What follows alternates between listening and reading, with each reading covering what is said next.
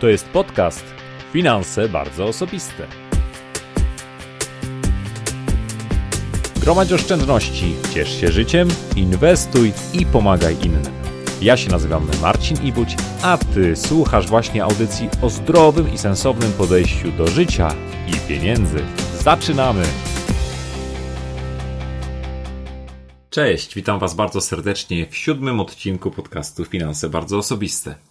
Moim gościem jest dzisiaj Aleksandra Marszał-Bochdziul, trener, coach, e, właściciel szkoły coachingowej Wings. Cześć Olu. Witam serdecznie. E, dziękuję Ci bardzo, że przyjęłaś zaproszenie. I na początek e, opowiedz trochę więcej, czym się zajmujesz i na czym polega Twoja praca. Moim głównym zajęciem jest coaching. A czym jest coaching? Coaching tak naprawdę jest towarzyszeniem ludziom w przeprowadzaniu zmian. Mm, trafiają do mnie klienci, którzy chcą coś w swoim życiu zmienić. To coś jest bliżej lub dalej zdefiniowane. Czasami ktoś ma bardzo konkretne wyobrażenie o tym, co chce zmienić i co chce osiągnąć, tylko nie wie, jak to zrobić. A czasami bywa tak, że coś daną osobę uwiera w obecnej sytuacji, na przykład nie pasuje jej coś w jej pracy albo w jej relacjach z bliskimi, ale jeszcze nie wie tak naprawdę, czego chciałaby w zamian. I to też jest przestrzeń do tego, żeby pracować z coachem. Jedną z takich ważnych zmian w życiu wielu osób jest zmiana pracy. Ja sprowadzam finanse osobiste do jednego prostego, przejrzystego równania. Zarobki minus wydatki równa się oszczędności. Bardzo dobrze jest kontrolować i obcinać swoje wydatki i dużo czasu i energii na to poświęcamy, ale najskuteczniejszym sposobem bogacenia się jest zwiększanie zarobków. I zmiana pracy jest czymś, co może nam w tym bardzo pomóc. Chciałbym dzisiaj z Tobą porozmawiać o tym, jak sensownie zmienić pracę, od czego zacząć ten proces i co warto zrobić, zanim jeszcze wyślemy CV. Mhm. No tak jak każdy proces zmiany, także proces e, zmiany pracy, warto zacząć od tego, żeby się na chwilę zatrzymać i zadać sobie pytanie, czego ja tak naprawdę chcę. Chcę zmienić pracę. No chcę zmienić pracę, to jeszcze nic nam nie mówi o tym, e, czego oczekujemy po zmianie tej pracy. Czyli... Większych pieniędzy no to już jest jakiś większy konkret, tak? Większych pieniędzy to jest już jedna z informacji. Potem moglibyśmy dalej się zastanawiać, ile pieniędzy, o ile więcej potrzebujesz zarabiać, żeby ta nowa praca spełniała Twoje oczekiwania. Dlaczego to jest tak ważne, żeby się zatrzymać i doprecyzować dokładnie to, na czym nam zależy? Dlatego, ponieważ w procesach zmiany czy w różnych decyzjach życiowych bywa czasami tak, że właśnie czujemy chęć zmiany, a tak dokładnie nie wiemy o co nam chodzi. I wtedy zmieniamy pracę, zmieniamy związek, porzucamy obecną żonę i szukamy nowej, albo odchodzimy z obecnej firmy i idziemy do innej, a tak naprawdę okazuje się, że trafiamy z deszczu pod rynnę. I w takiej sytuacji potrafi się powtórzyć problem, który którego nie rozwiązaliśmy w poprzedniej pracy albo w poprzednim związku. I ty jako coach jesteś właśnie osobą, która przeprowadza nas przez ten proces, tak? Zadaje te trudne pytania. Na czym to polega? No, tak jak już powiedziałam na początku, pierwszy krok polega na tym, żeby znaleźć w czym tkwi sedno. Czyli jeżeli ja chcę zmienić pracę, to o co mi tak naprawdę chodzi? Czy w obecnej pracy problem stanowią dla mnie relacje albo jakaś konkretna relacja z jakąś osobą? Jeżeli to jest konkretna relacja, to co w tej relacji stanowi problem? Czy to jest tak, że um, ja na przykład mógłbym jeszcze coś zmienić w swojej postawie? Powiedzmy, nie lubi mnie szef, nie lubią mnie współpracownicy, chcę z tej firmy odejść. Mhm. Zazwyczaj jest tak, że każdy proces zmiany zaczyna się właśnie od takiej postawy, e, czyli od tego, że e, mówię, albo mój szef jest taki, jest niemiły, jest oschły, w ogóle mnie nie szanuje, nie docenia, a ludzie mnie nie słuchają w pracy, a w ogóle firma jest beznadziejna, polityka firmy jest beznadziejna, a rynek to już w ogóle jest taki trudny, że nie da się nic na przykład sprzedać. Tak? I to jest taki klasyczny moment, kiedy e, przerzucamy winę na naszą sytuację, na wszystkich innych, a, a sami nie bierzemy odpowiedzialności za to, jak my kreujemy daną sytuację. Więc najpierw należy się zatrzymać, albo należy, no warto się zatrzymać i zadać sobie pytanie: OK, szef jest niemiły, co ja mogę zrobić? w tej sytuacji, żeby ta relacja była taka, jak ja chcę, żeby była. No, jaki masz pomysł na to, Marcin? Co mogę zrobić? No, pójść i wygarnąć mu, powiedzieć, co o nim myślę. No okej, okay. masz jeszcze jakiś inny pomysł? Okej, okay, no teraz zaczyna się proces coachingu. tak, mogę pójść i powiedzieć, Stefan, słuchaj, ja nie rozumiem, czego ty ode mnie wymagasz. Ja nie wiem, co ty tak naprawdę ode mnie chcesz. Mhm.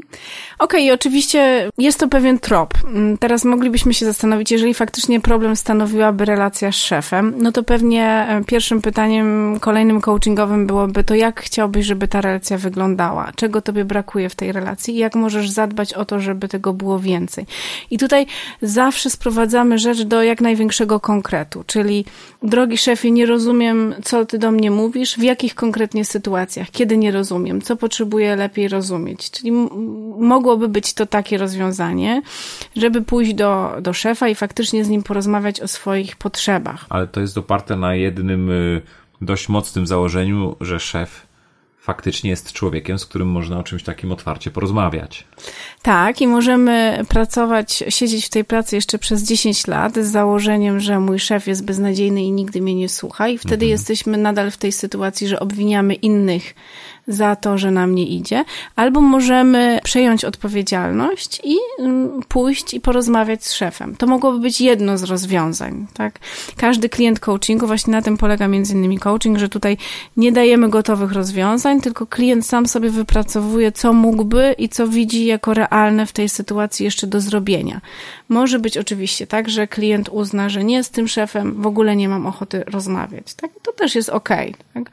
Natomiast jeżeli ten klient ma jakieś problemy z asertywnością, czy w ogóle z wyrażaniem swoich potrzeb, to trafi do nowej pracy, gdzie być może zaraz za chwilę będzie miał kolejne problemy z innym szefem, bo najzwy... okaże się, że kolejny szef jest również... E, tak, nie słucha go, nie szanuje. Chciałem użyć brzydkiego słowa, ale w podcastach tego nie robię.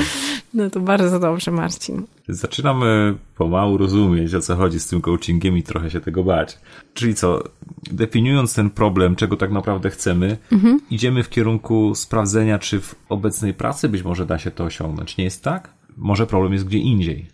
Tak, można to dwojako nazwać. Można powiedzieć, czy w obecnej pracy mam jeszcze coś do załatwienia, albo też po prostu w, ty, w czym tkwi sedno problemu. I te rzeczy mogą się ze sobą zbiegać, bo zazwyczaj to jest jednak tak, że gdzieś w naszej postawie jest jeszcze płaszczyzna do zmiany i może być tak, nie mówię, że tak jest zawsze, ale może być tak, że zmiana naszej własnej postawy w pracy da takie efekty, których byśmy się w ogóle nie spodziewali.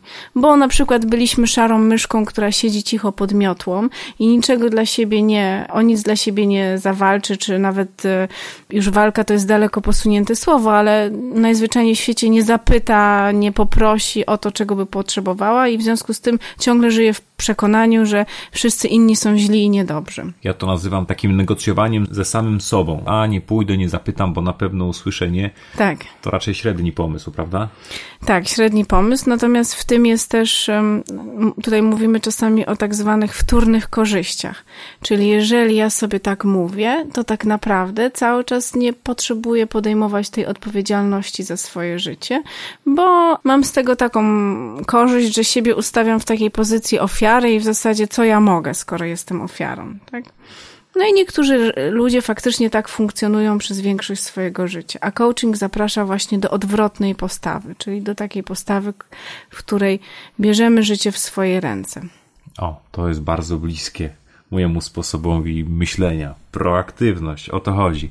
No ale może się tak zdarzyć, że faktycznie usiądziemy sobie, zdefiniujemy to, czego tak naprawdę chcemy i oczekujemy, i może się okazać, że no nie da się. W obecnej pracy tego nie zrealizujemy.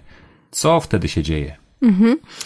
No przede wszystkim to już jest fajny moment, e, kiedy sobie uświadomimy, że okej, okay, tu gdzie jestem nie jest tak, jakbym chciał i potrzebuję dokonać zmiany, bo może temu towarzyszyć takie zakończenie takiego procesu targowania się samego ze sobą. A to bywa bardzo męczące. Przypuszczam, że większość osób to zna, nie, nie zawsze w kontekście zmiany pracy, ale może w innych sytuacjach, kiedy zastanawiamy się, no, czy zmienić, bo tu mi nie do końca pasuje, a drugi głos mówi, ale jednak nie jest tak źle, zobacz, jest tyle dobrych elementów, a potem znowu tamten głos mówi, ale tak naprawdę za mało zarabiasz i ludzie są niezbyt fajni, a potem, ale jednak potrafisz się z tego utrzymać i takie... Piękny, długi, wewnętrzny tak, dialog. Tak, piękny dialog, który powoduje mnóstwo napięcia, ale nic nie wychodzi z niego konstruktywnego. Więc w momencie, kiedy naprawdę dotrzemy do tej granicy i powiemy sobie, tak, tutaj już wszystko załatwiłem, co się dało, nie chcę więcej e, się tym zajmować, jestem gotowy do zmiany i wtedy powstaje przestrzeń do tego, żeby tak naprawdę zająć się tą zmianą, czyli zmienia się paradygmat od czy chce tej zmiany i czy jej potrzebuje, na jakiej zmiany potrzebuje i jak ją dokonać. Co ma być po drugiej stronie, czyli jakiej pracy potrzebuje i jak ją znaleźć, czy jak ten cel osiągnąć. Bardzo częstym elementem towarzyszącym rozmyślaniu na temat zmiany pracy jest strach, jest obawa o różne rzeczy. Od tego, że szef dowie się, że szukam pracy, więc pewnie mnie wyrzuci, gdy tylko to do niego dotrze, aż po stwierdzenie, rynek jest trudny, bezrobocie wynosi 12%, na pewno nie znajdę niczego nowego. Jak sobie z tym poradzić? Mhm. Myślę, że przede wszystkim warto przyjąć, że strach jest naturalną emocją, tak jak każda inna, i że strach lubi towarzyszyć różnym zmianom. Jakoś tak się utarło, że w, w, naszym, nie wiem, systemie wychowania już od małego dzieciom mówi się nie bój się, nie bój się. nie, nie, nie warto się bać. Natomiast ja generalnie mam takie podejście, że wszystkie emocje są nam do czegoś potrzebne i e, strach jest naturalną emocją. Należy e, go sobie tak jakby uświadomić, przyjąć i się z nim oswoić. I potraktować go jako ważną informację, czyli o co potrzebuję zadbać, żeby ta zmiana była dla mnie względnie bezpieczna, żebym był gotowy ją przeprowadzić, mimo iż się tak naprawdę boję. To jest bardzo fajne spostrzeżenie, bo faktycznie no, w pewnych sytuacjach nie wyzbędziemy się strachu i on nam będzie towarzyszył. Z tego, co mówisz, po prostu chodzi o to, żeby działać pomimo tego, że się boimy. Dobrze tak, to rozumiem? Tak, najzwyczajniej w świecie przyjąć to jako też pewien element zmiany, jako stan naturalny.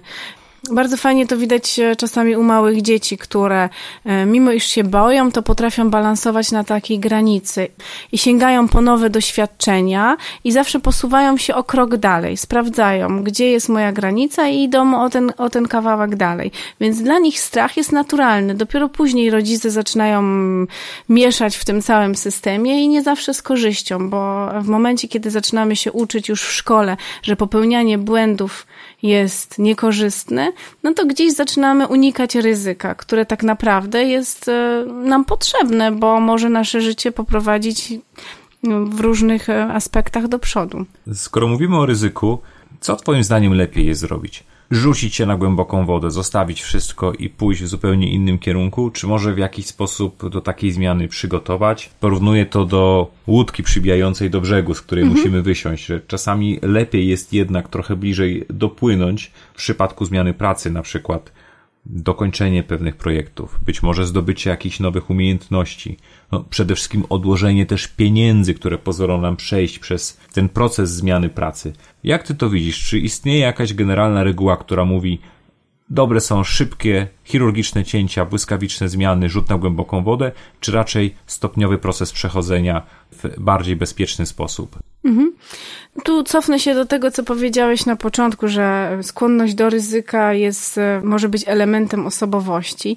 I teraz właśnie w coachingu pracujemy dokładnie w taki sposób. Jeżeli klient jest już w tym momencie, kiedy przestał zadawać sobie pytanie czy, tylko pyta się jak i jakiej zmiany potrzebuje, jak jej dokonać, no to wtedy tak naprawdę on decyduje, czy potrzebuje szybkiej zmiany i tego tak zwanego rzutu na głęboką wodę, skoku na głęboką wodę, czy raczej w jego sytuacji nie wiem, będąc na przykład mężem, mając trójkę małych dzieci, raczej jest skłonny do tego, żeby zmiany, zmiany dokonywać stopniowo i zabezpieczając się po drodze w różny sposób, tak?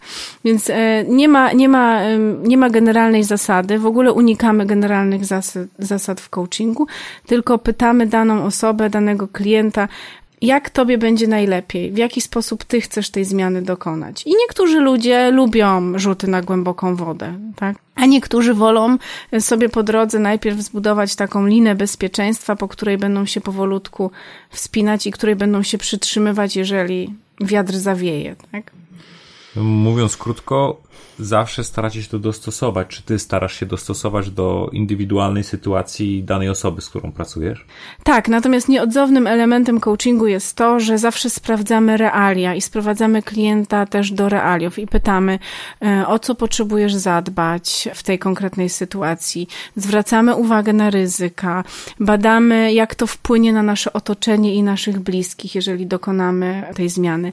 W skrócie nazywa to się po prostu zadbaniem o ekologię danej zmiany, żeby właśnie później, jak już klient wkroczy na ścieżkę działań, było dla niego jak najmniej niespodzianek. Na pewno jakieś niespodzianki będą, bo nie wszystko można przewidzieć, natomiast zawsze zatrzymujemy się wcześniej i właśnie zastanawiamy nad tym, o co można jeszcze zadbać, zanim dokonamy pewnych konkretnych kroków. Niespodzianki będą na pewno, a do takiej grupy niespodzianek przykrych może należeć na przykład reakcja naszego najbliższego otoczenia. E, żona, e, rodzice, najbliższe nam osoby mogą zniechęcać nas do tej zmiany. Mogą mówić: nie rób tego, zastanów się, poczekaj, ciągnąć nas trochę w dół.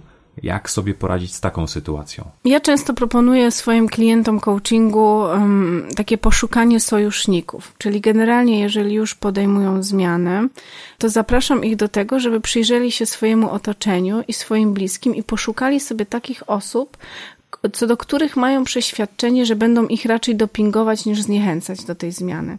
Uczulam ich na to, żeby już wybrali te osoby, z którymi będą konsultować tą zmianę i które będą zapraszać do takiego aktywnego towarzyszenia i trochę kibicowania im w tej zmianie, bo to może być bardzo pomocne. Czyli również pracując z Tobą, y, przechodzicie przez coś takiego, że na przykład definiujecie konkretne osoby, z którymi trzeba będzie na którymś etapie, nie wiem, porozmawiać, przygotować je do takiej zmiany? Tak, uwzględnienie naszego otoczenia i bliskich nam osób jest bardzo ważnym elementem przeprowadzenia zmiany. I czasami właśnie bywa tak, że jeżeli nie uwzględnimy ważnych osób w tym procesie, no to na różnych etapach one mogą, mogą być pewnym utrudnieniem. Hmm, kochani, albo nowa praca, albo ja. tak, na przykład no to już jest bardzo skrajne postawienie y, sytuacji, ale właśnie w momencie, kiedy już na etapie powiedzmy rozważań, czy zmieniać pracę, zaangażujemy żonę, czy kogoś bliskiego w, w to, że się nad tym zastanawiamy, trochę ją y, zaprosimy do rozmów na ten temat, może spowodować, że ta osoba stanie się właśnie raczej z naszym sprzymierzeńcem niż przeciwnikiem. No, a może nie warto, bo po co mamy naszą decyzją zadowalać innych? Przecież to jest nasze życie. No, taki aspekt też biorę pod uwagę i w momencie, kiedy klient coachingu, kiedy w ramach procesu coachingowego okazuje się, że mam do czynienia z klientem, który w swoim życiu w zasadzie kieruje się głównie tym, żeby zadowalać innych, no to zapraszam go do takiej refleksji nad tym, e, czy w ogóle jest to realne, żeby zadowolił wszystkich ludzi dookoła, żeby oni wszyscy go lubili i kochali. I jest to realne? No, Marcin, jest to realne, czy nie jest to realne? No, Wszyscy proszę. cię lubią?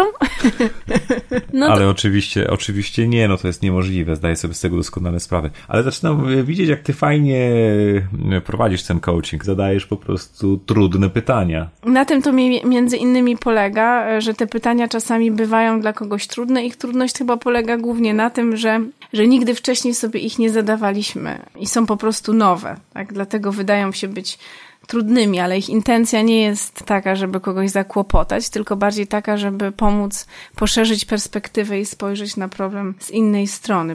Ola, a jakie widzisz najczęściej popełniane błędy przez ludzi, którzy zabierają się za zmianę pracy? Mhm. Pierwszy błąd jest taki, że ludzie zostają na etapie zastanawiania się. Jakiś czas temu miałam rozmowę ze swoim przyjacielem, akurat to nie był mój klient e, coachingu, tylko przyjaciel i on mówi do mnie, Ola, powiedz mi, bo ty jesteś coachem, zaraz znajdziemy jakieś rozwiązanie, bo mam taką sytuację, że wiesz, już mi się ta praca trochę znudziła moja, pewne rzeczy mi nie pasują, ale dostałem jeszcze taki wolontariat, na który chcę koniecznie pojechać.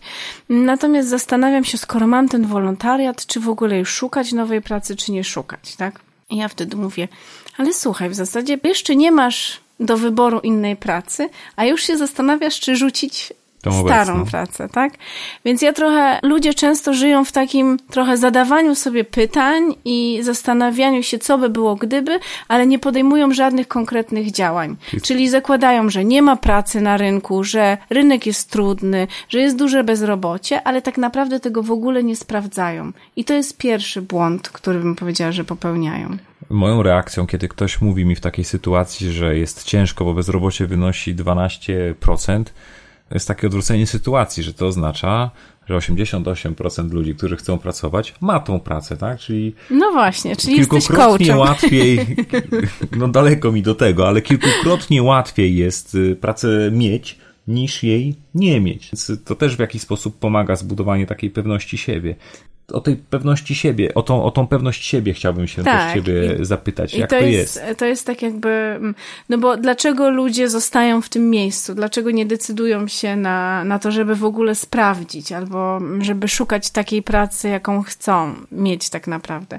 No i tutaj Często, gęsto bywa tak, że w procesie coachingu docieramy do takiego momentu, kiedy klient e, zdaje sobie sprawę z tego, że tak naprawdę ma różne przekonania na swój temat przekonania, że ja się nie nadaję, jestem do dupy, mógłbym być lepszy, jestem jeszcze niewystarczająco dobry.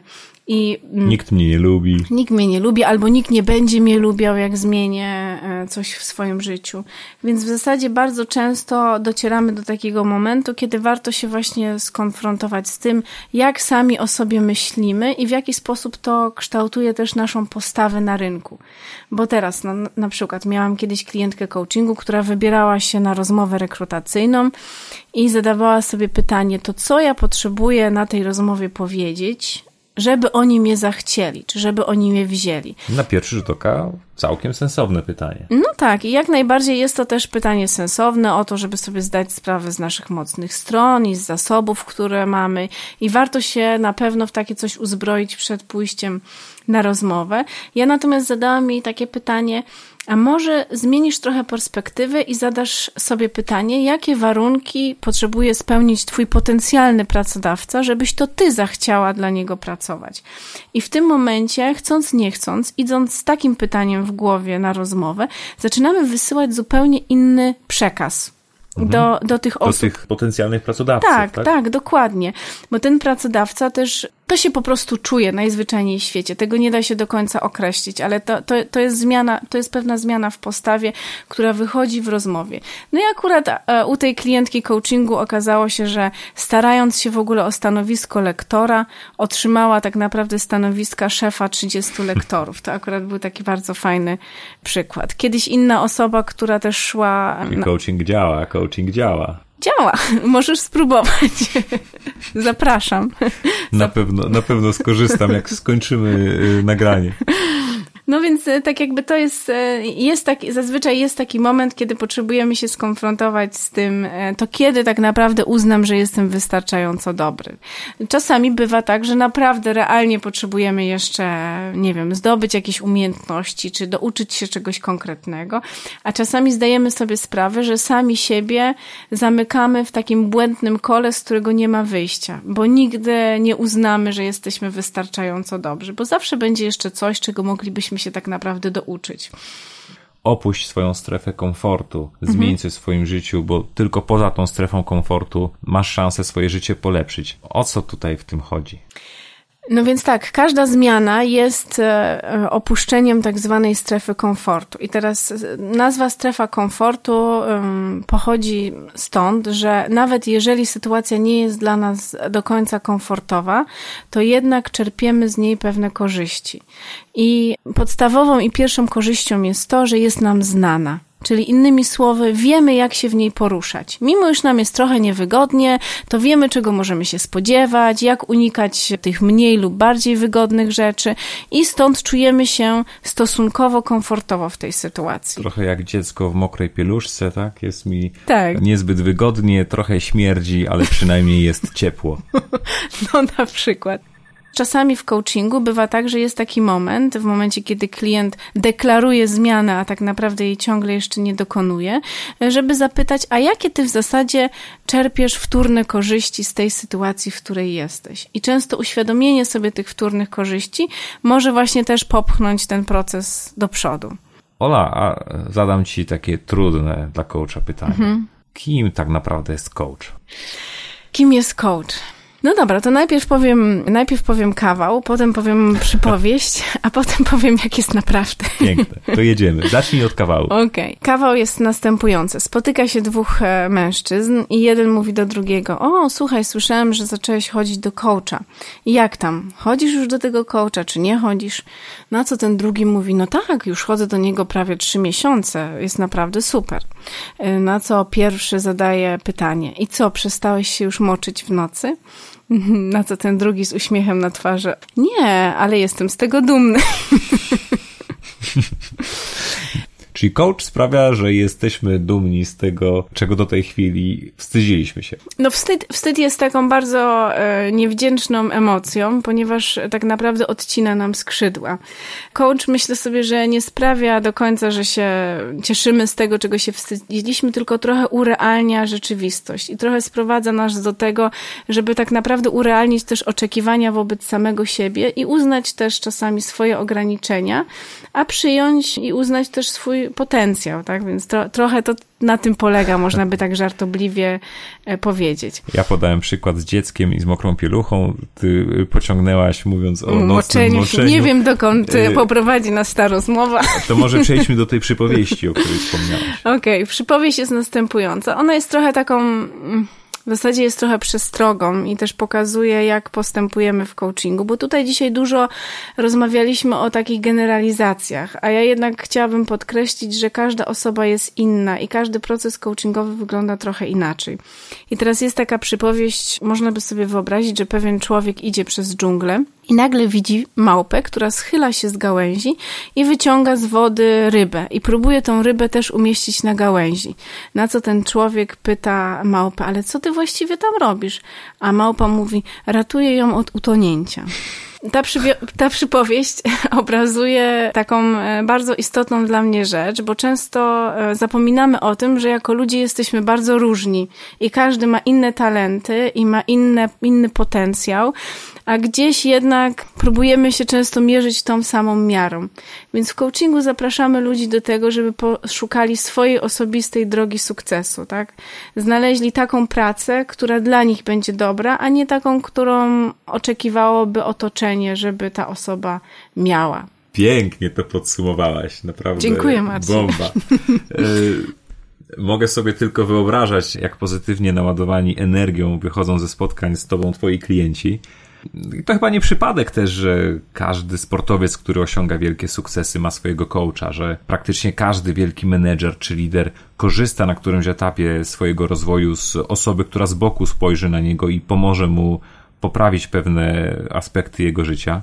Ola, to jeszcze jedno pytanie. Czy Twoim zdaniem każdy powinien skorzystać z pomocy coacha? Nie, myślę, że nie każdy powinien i też jest gotowy do korzystania z pomocy coacha. Przede wszystkim liczy się też chęć i ochota na korzystanie z tego typu usług, najzwyczajniej rzecz biorąc. To kiedy A... Twoim zdaniem y, warto z e, takiej pomocy skorzystać. No to ja może opowiem pewną metaforą, bo gdzieś e, nie za bardzo mam ochotę wymieniać różne sytuacje życiowe, które mogłyby do tego prowadzić, bo generalnie rzecz biorąc, coach zajmuje się zmianami, więc tutaj jest bardzo szerokie mhm. pole do popisu. Natomiast moja mistrzyni, od której ja w dużej mierze uczyłam się coachingu, opowiadała często taką metaforę. Opowiadała o tym, że kiedyś miała pewną znajomą, która miała taką strasznie upierdliwą kurzajkę na dużym palcu u stopy. No i przez tą kurza, kurzajkę w zasadzie nie mogła nosić butów na obcasie, bo ona gdzieś tam ciągle jej uwierała i przeszkadzała i uniemożliwiła właśnie zakup takich jakichś pięknych, eleganckich e, butów. No i znały się tak latami i ona zawsze chodziła w tych właśnie e, płaskich jakichś baletkach czy też innych e, butach. Koszmar dla wielu kobiet. Tak, no koszmar, oczywiście.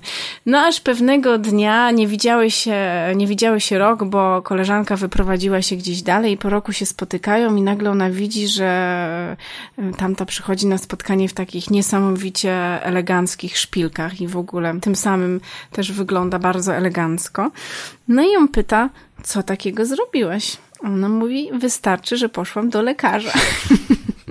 Więc to okay. trochę tak jest, tak? Czyli, czyli nie każdy musi korzystać e, z coacha, przecież zawsze można e, chodzić z kurzajkami. Tak. tak. Olu, dziękuję Ci bardzo za obrazowe przybliżenie tego, czym jest coaching, jak i kiedy może nam pomóc. Powiedz jeszcze proszę, gdzie możemy więcej dowiedzieć się o Tobie, e, gdzie znajdziemy Cię w internecie. Mhm. Mm, więcej informacji na mój temat i na temat mojej pracy można znaleźć pod stroną internetową www.aleksandramarszal.com.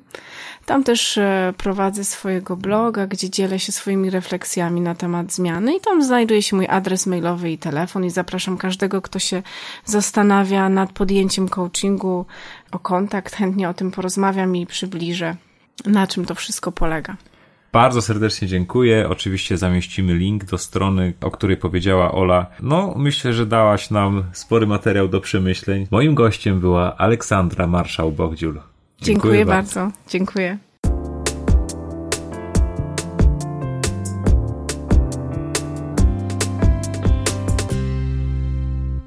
Na zakończenie dzisiejszego odcinka podcastu e, mam dla Was jeszcze kilka słów od siebie. E, wierzę, że rozmowa z Olą pomogła Wam zrozumieć, na czym polega coaching oraz w jaki sposób współpraca z coachem może być dla Was pomocna. Zależało mi na nagraniu takiej rozmowy, bo słyszę czasami narzekania w stylu nie lubię mojej pracy, chciałbym ją zmienić i tak dalej. Ale kiedy zadaję pytanie, a co chcesz robić, no to słyszę tylko nie wiem, tutaj już po prostu dłużej nie wytrzymam, rzucam, robo rzucam robotę, koniec. Moim zdaniem taka zmiana dla samej zmiany niczego nie rozwiąże. Nie wystarczy zdefiniować, od czego uciekamy. Od kiepskiej pracy, słabego szefa, niskich zarobków. To zwykle wiemy bardzo dobrze, ale to za mało. Zanim wykonamy taki ruch, musimy jasno sprecyzować, co ma się znaleźć po drugiej stronie.